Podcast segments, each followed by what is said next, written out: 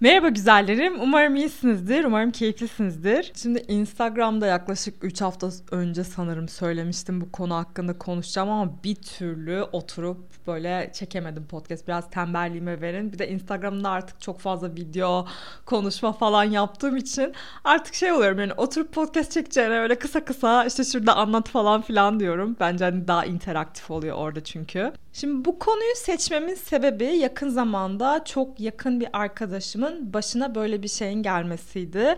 Böyle kafamda çeviriyorum ne yapsam, nasıl anlatsam acaba diye. Çünkü biliyorsunuz yanlış anlaşılmaktan, daha doğrusu kendimi yanlış anlatmaktan korkuyorum. Hatta bu yüzden de çok fazla eleştiri alıyorum. Çok uzatıyorsun abla diye. Sadece şunu belirterek başlamak istiyorum. Burada tercihlerinizi biz aslında sorgulamıyoruz ya da iyi ya da kötü şeklinde yargılamıyoruz. Değerleriniz de aynı şekilde. Sadece içteki değerlerinizle aksiyonlarınızın uyumlu olup olmadığını yani iyi ve kötü olarak değerlendirme değil de işte riskleri ortaya ya olayı bir şekilde daha çok belirginleştirmenin e, ben peşindeyim ve bazen riskleri, maliyetleri işte dışarıdan bakıp göremiyoruz. Bunu birazcık tartışmak istiyorum. Şimdi bugün Instagram'da bir soru cevap yaptım. Daha doğrusu bir soruya cevap vermiştim. İşte işte normalde feminen konseye sorulmuş ve bana sorulmuş. Tabii ki de benim cevabım çok mantıklı görüldüğü için herkes bir soru sorabilir miyim diye soru sormuş.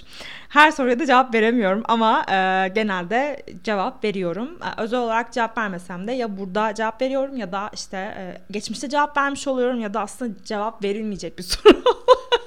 Aa yani soruyu sor soruyu sorduğun için kendini sorgulaman gereken bir soru ya da sonraları cevap verebiliyorum ama muhtemelen e, hani be, beni takip ediyorsa kendi kendine cevap bulabileceği bir soru olabiliyor. E, her neyse çok uz de çok uzattı. Çok kusura bakmayın neyse. Şimdi soru e, geçmişte evli biriyle ilişki yaşadım. Ve bana öyle zarar veren, dönüştüren bir deneyim oldu ki anlatamam.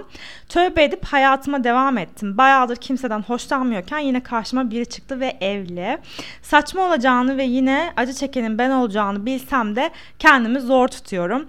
Firdevs gibi beni silkeler misin? Aslında düşünüyor ve biliyorum ama kısır döngüm artık neyse bu diye bir mesaj atmış. Mesaj attığın için çok teşekkür ederim. Eğer bu mesaj gelmeseydi ben bu podcast'te oturup yapmazdım yani güzelliğim. Şimdi ben e, bu güzelliğin özelinde konuşarak birkaç şey daha ekleyeceğim buna. Şimdi kendisi 10 senelik bir iş geçmişi olan biri. Önceki mesajlarından anladığım kadarıyla ve muhtemelen 30 yaş üstü. Ve maalesef kızlar 30 yaşı geçtiğinizde genelde siz e, sizin hani target ilişki yaşayacağınız kişiler e, yani kaliteli erkek e, hep evlidir falan demek istemiyorum ama 30 yaştan sonra 35 yaş ve üstü erkekler evli olabiliyor, e, ilişkisi olmuş olabiliyor, işte nişanlanmış, ayrılmış ya da boşanmış falan olabiliyor. Özellikle de bizim kuşak yani şu anda 35 yaş üstünden bahsediyorum. Muhtemelen e, sizin hani Z jenerasyonu daha hani gelmediği için oralara onlar tabii ki de bence bizden çok farklı olacak. Ama mevcut durumda e, 35 bizim kuşağın 35 yaş üstü erkekleri genelde evli olabiliyor. Yani yüksek ihtimalle evli olabiliyor ya da işte e, bence bir erkeğin e, hayatında kadının olması ve evli olması onu e, tabii ki de düzene alıştırıyor. Daha çok başarılı yapıyor ve kim ne derse desin e, gerçekten evlilik bence en çok erkeklere yarıyor. Yani bu mesajı okuduğumda mesela şuna şaşırmadım. Yani hani nasıl hani evli çıktı bu da falan diye şaşırmadım. Çünkü yani çevrede e, bizim kuşağın başarılı erkekleri genelde evli oluyorlar. Ve e, sen de böyle işte yani ne bileyim 30 yaşında ve hala hayatını kuramamış işte ne oldu belirsiz biriyle de görüşmüyorsun falan. Sadece burada şöyle bir şey var. Şimdi erkeklerde bu benim yakın arkadaşım dediğim e, arkadaşım. yakın arkadaşım dediğim Yellos falan diyor. Tabii ki de değil yani yakın arkadaşım. Ay dur. Şimdi yakın arkadaşına şöyle bir şey oldu. Çocukla 6 ay boyunca görüştüler ve böyle hani ben de buna şahittim. Aslında ilk buluşmada çok büyük bir falso vermişti. Ben oradan eremesini söylemiştim kendisine ama tabii e, ikinci şans verildi. E, ama verilmeseydi de böyle bir şey olabilirdi yani hani zaten olan bir şeymiş. Ve e, 6 aylık flörtleşme sonucunda adamın evli olduğunu buldu arkadaşım. Yani şeyden buldu. Instagram'da önüne çıktı. Hani şey de değil. E, bu bu arada bu arada deyip deyip duracağım çünkü bu çok bu aradalı bir podcast olacak. Erkekler, evli erkekler genellikle yüzük takmıyorlar ya da e, şey yapmıyorlar. Instagram'da e, profillerine e, e eşleriyle resim koymuyorlar. Yani e, özellikle de e, muhafazakar kesimden biri ise bunu şey olarak düşünebilir, e, bunu şey olarak e, karısına söyleyebiliyor ve karısı da istemeyebiliyor ya da aileleri istemeyebiliyor, çevresi istemeyebiliyor. İşte karısını e, paylaşmama, karısının fotoğrafını paylaşmama. Onlar da kabul gören bir şey. E, tamam okey ama e, hani evli olduğunu belli edecek hiçbir şey yok. Zaten evli olduğunu belli etse de mesela diyelim apacık yazıyor biyografisine ve başka başka yalanlar da söyleyebiliyor aslında. Yani neyse biz şeyden bahsedeceğiz. Evli e, olduğunu size baştan söylemeyen erkeklerden bahsedeceğiz. Çünkü e, ben açıkçası e, her şeyi ayırıyorum. Çünkü bütün ilişkilerde değişkenler ve dolayısıyla ilişkilerin dinamikleri çok önemli. İlişkileri yorumlamakta. Bundan seneler önce bir ünlü şey vardı. İsim vermeyeceğim. Ünlü bir adam. İşte ka- ka- karısı çocukları var. E, işte hani bir başka birinden e, çocuk yapıyor falan işte. Ve arkadaşımla bunu konuşmuştuk o zamanlar. Ben şey demiştim. Ya burada kadının e, problemi yok. O yüzden mesela biriyle konuştuğunuzda şunu demeniz o insanın evli bir erkekten vazgeçmesini, özellikle de arkadaşınızın evli erkekten vazgeçmesini sağlamıyor. İşte ama o evli. Çünkü aslında bence de bu kadının problemi değil. Sonuçta ilişkisel olarak baktığınızda e, biraz sözleşmesel yaklaşalım buna biraz kafanızda oturması için. Burada sözleşmeyi gerçekleştiren kişi erkek ve sözleşmenin içerisinde terms and conditions'da bir başkasıyla ilişki yaşamama, gerek duygusal gerekse cinsel anlamda ilişki yaşamamayı kapsayan bir sözleşme imzalıyor. Ve aslında siz kimseyle sözleşme imzalamamışsınız. Yani sizin hani dış evlilikler e, içeriden yıkılıyor. Eğer bilmiyorsanız mesela biliyorsanız da içeriden yıkılıyor. Çünkü adam e, bir başkasına bakmasa hiçbir yani özellikle de kadınların yüzde 99'u evli bir erkek ben onun yuvasını yıkayayım şöyle yapayım böyle yapayım diye yürümüyor. Genelde erkekler ulaşıyor kadınlara çünkü. Yani hani e, şimdi erkekler her zaman şey diyor işte kadın e, şey yapmazsa kuyruk sağlamazsa erkek. Ama erkeklerde öyle bir şey yok ki mantık yok ki. Herkesi kuyruk sallıyor olarak görüyor. Mesela siz diyelim makyaj yapıyorsunuz dışarı çıkıyorsunuz çok güzelsiniz. Bu arada bunda bir problem yok süslenmenizin karşı cinsi etkilemek için yapılmasında bir problem görmüyorum. Hani siz kendi istediğiniz insanları etkilemek için yapıyorsunuz ama genele algılandığı için aslında problem oluyor. Burada aslında aldatılan eşin de biraz etkisi var. Aldatılan eş kendisini aldatan eşten çok yani dışarıdaki üçüncü kişiyi çok fazla sorumlu tutuyor. Yani içeriden bir sorunumuz yoktu ve sen dışarıda olduğun için hani ko- kocam aslında beni aldatmayacaktı ama e, sen ortaya çıktığın için beni aldattı gibi. Şimdi evlilikler genelde içten e, yıkılıyor kızlar. E, benim gözlemlerim bu. Ve e, ya maalesef şu gerçeği de söylemek gerekiyor.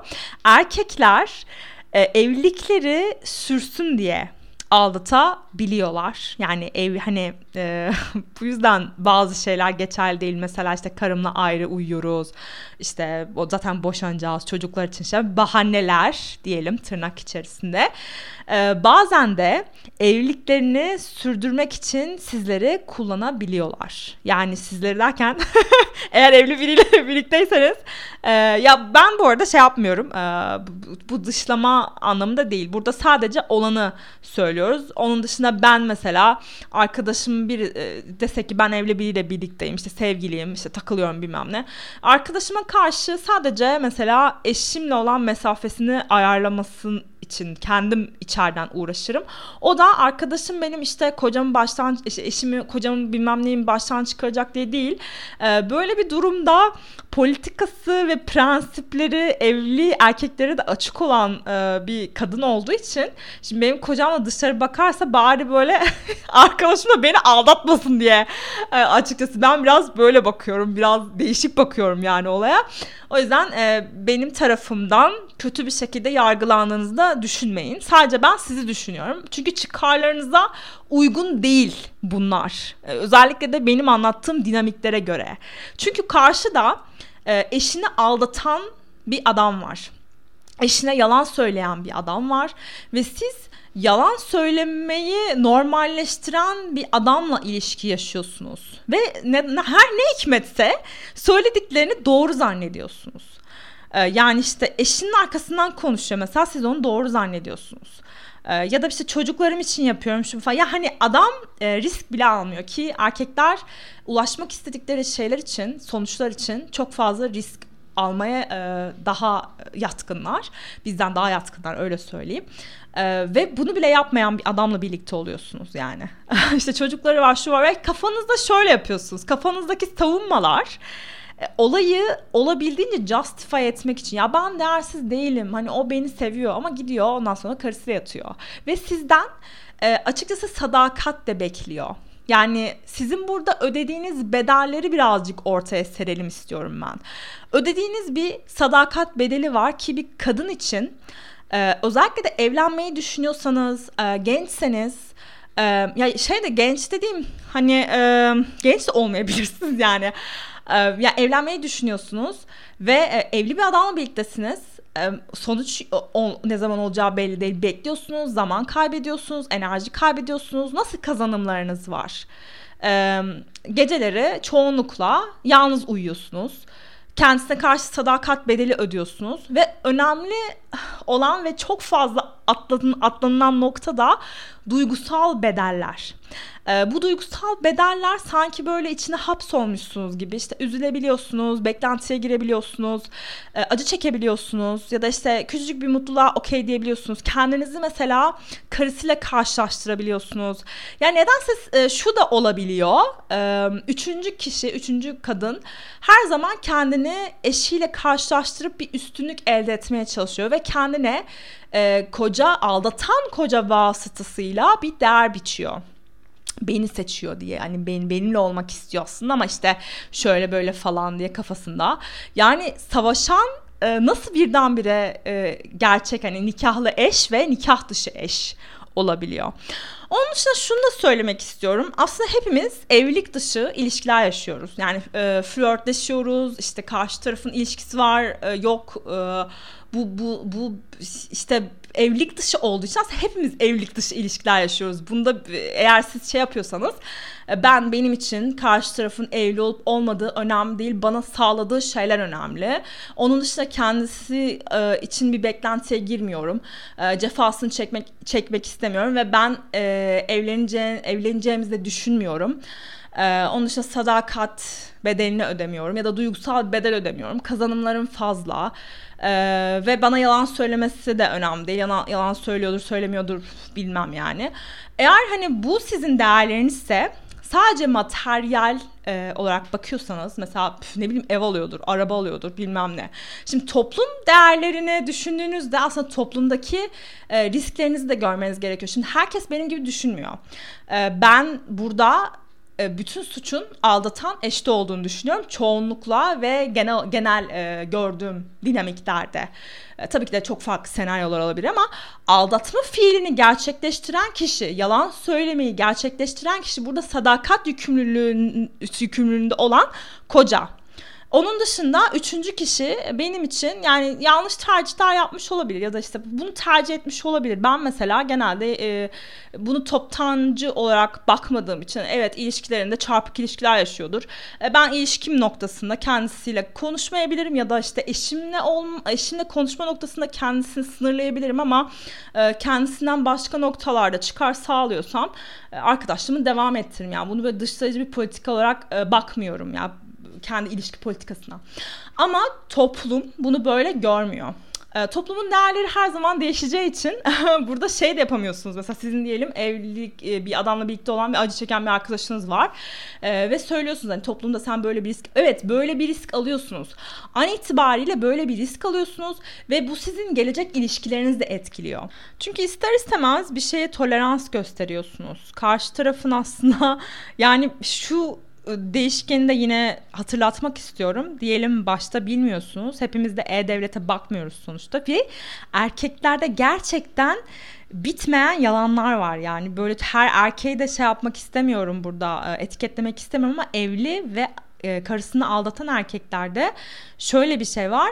E, mesela e, diyelim e, anlıyorsunuz evli olduğunu sorular soruyorsunuz sürekli yalan söylüyor ya da mesela hani böyle e, neler neler ya benim mesleğim biliyorsunuz bir sürü senaryo yani. Ve e, şu oluyor en sonunda öğrendiğinizde çoktan kendisiyle duygusal bir bağ geliştirmiş oluyorsunuz. Ve bence bu çok fazla atlanıyor. E, ve erkekler de bunu biliyorlar. Duygusal bağ geliştikten sonra hani bunu istedikleri gibi istismar edeceklerini. E, bilinç dışı olarak e, kasten ya da bilinç dışı bilmiyorum.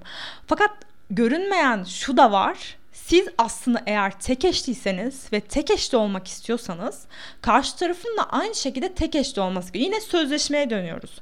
Hani sözleşmenin kullanım şartları karşı tarafın birbirlerine verdikleri e, sözler ve maddeler e, başta tek eşli olarak başlıyorsunuz ve karşı tarafın öyle olmadığını görüyorsunuz. Yani burada aslında size e, çok büyük bir yalan söylemiş oluyor. İstediği kadar şey desin işte seni gördüm şöyle oldu böyle oldu. Ya bunları diyecek yani karısına yalan, yalan söyleyen bir adam eninde sonunda bu böyle. Yani işinize gelene inanma kısmını birazcık geçmeniz gerekiyor. Ve elinde sonunda genelde insanlar bunu diğer podcastlerimde Instagram'da artık ne cehenneme söylesem söylüyorum. Biz aslında karşı tarafın bize hissettiği hissettirdiklerine bağlı oluyoruz. Sizi çok özel hissettiriyor olabilir, işte çok olgun ol, ol, olabilir hayatta. Yani sizi değerli hissettiriyor olabilir kendinizce. Ama eninde sonunda siz karşı tarafın size hissettirdiklerine bağımlı olduğunuzu karşı tarafa bağlı değil de hissettirdiklerine bağımlı olduğunuzu anladığınızda aslında bir şeyler netleşiyor. Ve lütfen bazı şeyleri biraz dışarıdan ele almanız tavsiye ediyorum ben. Lütfen olaya şöyle bakın. Yani bu adam istediğini söylesin, istediğini yapsın. Yani belki de baştan evet evli olduğunu söyledi. Ya orada da sizin aslında genelde öyle olmuyor ama öyle olan şeyler de olabiliyor. Mesela evli ama size ilgi duyuyor ve şey hani hep diyor işte ben karımdan boşanacağım şu bu falan filan. Aynı gidiyor ya da ya ne diyecek ki zaten? Başka ne diyebilir? İşte evliliğini ayakta tutmak için belki size sığınıyor. E, ve gerçekten bazı şeylerde de evet e, mesela boşanabiliyor. Ama hani bir başka kadın için boşanmış sonuçta. Yani sizin için de olsa başka kadın için. Kendinizi sürekli istisnai durumlara inandırmaya e, ve böyle olmazları oldurmaya işte e, ya bu biraz şeyden de kaynaklanıyor. İşte e, aslında benim durumum özel ve biz farklıyız. E, ve yaşanan onca şeyi böyle çöpe atmamak. E, demiştik ya sunk cost fallacy diye bir şey var. E, bir markete gidiyorsun, e, gideceksiniz. 10 dakika yürümüşsünüz. Bir 10 dakikanız daha var ama o 10 da, ilk 10 dakikada demi diyorsunuz ki kendinize aa bugün market kapalı ama diyorsunuz ben bu 10 dakikayı boşta mı yürüdüm diye bir 10 dakika daha yürüyorsunuz ve maliyetiniz artıyor 20 dakika daha yürüyorsunuz. Yani hani şey örnekler verebilirsiniz uç örnekler verebilirsiniz işte ne bileyim İngiltere e, prens işte sonra işte evlendi bilmem ne falan filan. Ama bu adam önceden tanışmış o kadınla onun dinamikleri çok farklı ve o İngiltere prensi. ya onun e, şeyleri çok farklı yani. Hani kendinizi ya yani genelde diyorum bakın bu hep genelleme yapıyorum burada. Birazcık e, istisnai durumları kendiniz istisnai durum olarak mı görüyorsunuz yoksa gerçekten istisnai durum mu? Bunu biraz bakmanız gerekiyor bence. Artı şunları da söyleyerek kapatacağım. Zaten evlilik dışı bir ilişkiyle hani e, biz bir riskler alıyor. Bunlar, bunları anlatmıştım sizlere. Hani risk alıyorsunuz bir sürü. İşte cinsel ilişki yaşadığınızda riskler alıyorsunuz. Toplum gözünde e, riskler alıyorsunuz. Evli bir adamla, hali hazırda evli bir adamla bunları yaşadığınızda e, olan riskleri iki katını arttırıyorsunuz. Ve şunu da düşünüyorsunuz hani ya ben işte kendime hakim olamıyorum işte çok işte çok seviyorum bilmem ne falan filan. İşte neden? Ee, hani acaba siz olmaz bir şey mi istiyorsunuz aslında hayatınızda? Aşkı bir engel olan hani aşk demeyelim ama işte ilişkileri, e, mutluluğu e, önünde bir hep engel, aşılması e, gereken bir engel olması gereken bir şey mi olarak görüyorsunuz. Biraz da burada şunu da sorgulamak gerekiyor. İlişkilere bakış açınızı. Belki de adamın cefasını çekmek istemiyorsunuz. Ama hani böyle hani ne bileyim ben işte bekleyen kadınım. Ya belki de siz biz her zaman bir hikaye inandırmaya kendimizi çok diyorum ya senaryoya falan inandırmaya çok müsaitiz. Hangi hikayeyi yaşamak istiyorsunuz siz burada? Biraz bunu da seçin ve değişkenler ya her zaman şey işte boşanacak da sanki böyle boşansa adam boşansa sizle evlense her şey çok güzel olacak çok çözülecek gibi. Bu size mesela karşı tarafın evli olması hali hazırda bir problem olduğu için diğer problemleri ilişkinizde özellikle diğer problemleri görmenizde de engel olacak. Yani oluyordur belki eğer biriyleyse oluyordur yani. Ee, yani ve hep ilişkideki problemleri öteki kadına atma e, olacaktır sizde. Yani burada bu arada belki onunla ilgili podcast yapabilirim. İşte aldatma ile ilgili yapmayı düşünüyorum zaten. Burada sadece evli bir e, adamla birlikte olmayı istiyorum. Ve beni açıkçası erkeklerin suçlu olup olması ya da hani şunu yapması bunu yap şu bununla hiçbir ilgilendirmiyor. Beni üçüncü kadınsanız ya da üçüncü kadın arkadaşınız varsa işte gönderirsiniz bu podcast'i. Üçüncü kadının değerleri ve hani olayı görmesi ilgilendiriyor. Riskleri, maliyetleri e, yani pf, hani bu buna değiyor mu? Bunları biraz görmesi benim için önemli. Çünkü yani evli olduğunu gizlemesi, evli olduğunu bilerek başlaması ya da sonradan öğrenilmesi ya da mesela ilişkiniz vardır benim bir arkadaşım vardı ya benim anlatmıştım size. Üniversitedeyken işte biz e, geceden falan ben onda kalmıştım. E, işte yarın işte buluşacak bir adamla e, bayağı kuaföre muaföre gitti bu arada ilk buluşmada buna çok karşıyım. İşte yeni kıyafet alma işte kuaföre gitme. Bunlar çok çok karşıyım bunlar özellikle yeni kıyafet sipariş etmeye. Her neyse ee, sonra işte tüm gün çocuğu bekledi. Çocuk işte telefonları telefonları açmadı. Çocuk sonra sözlenmiş. Yani şey gibi onların da mesela ilişkileri var mıydı? olacak mıydı öyle bir şey ama e, onu da bir tanıdığı hani şu an hatırlamıyorum ama bir tanıdığı mesela o da 6 ay biriyle sevgili ve e, her yerde fotoğrafları falan da var. Yani kız koyuyor fotoğrafları adam koymuyor e, benim hatırladığım kadarıyla. Sonra adam tak diye biriyle nişanlanıyor. ya bu da olabilir anlıyor musunuz? Ve o anda bile size yalan söyleyebilir yani. Ve siz e, yalanla ya kendinizi inandırmak istiyorsanız inandırabilirsiniz. Yine hani şey yapayım boşuna gitmesin. Kesin başka şeyler vardır. Adamın size üretmediği bahaneleri bile kendiniz üretebilirsiniz. Sadece sizden ricam e, kendi hikayenizin kahramanı olduğunuzu bilin. Riskleri, maliyetleri, e, bunların farkında olarak ilişkinin e, bunları karşılayıp karşılamadığına bir karar vermeniz gerekiyor. Sadece bunu istiyorum sizden. E, umarım bu podcast faydalı olmuştur. E, çok böyle üstün körü anlattığım gibi oldu. Ama yani benim deneyimlediğim bir şey değil benim tamamen uzaktan baktığım bir şey ama üstüne de düşündüğüm bir konu. Umarım beğenmişsinizdir. Sizi çok seviyorum kızlar. Kendinize iyi bakın.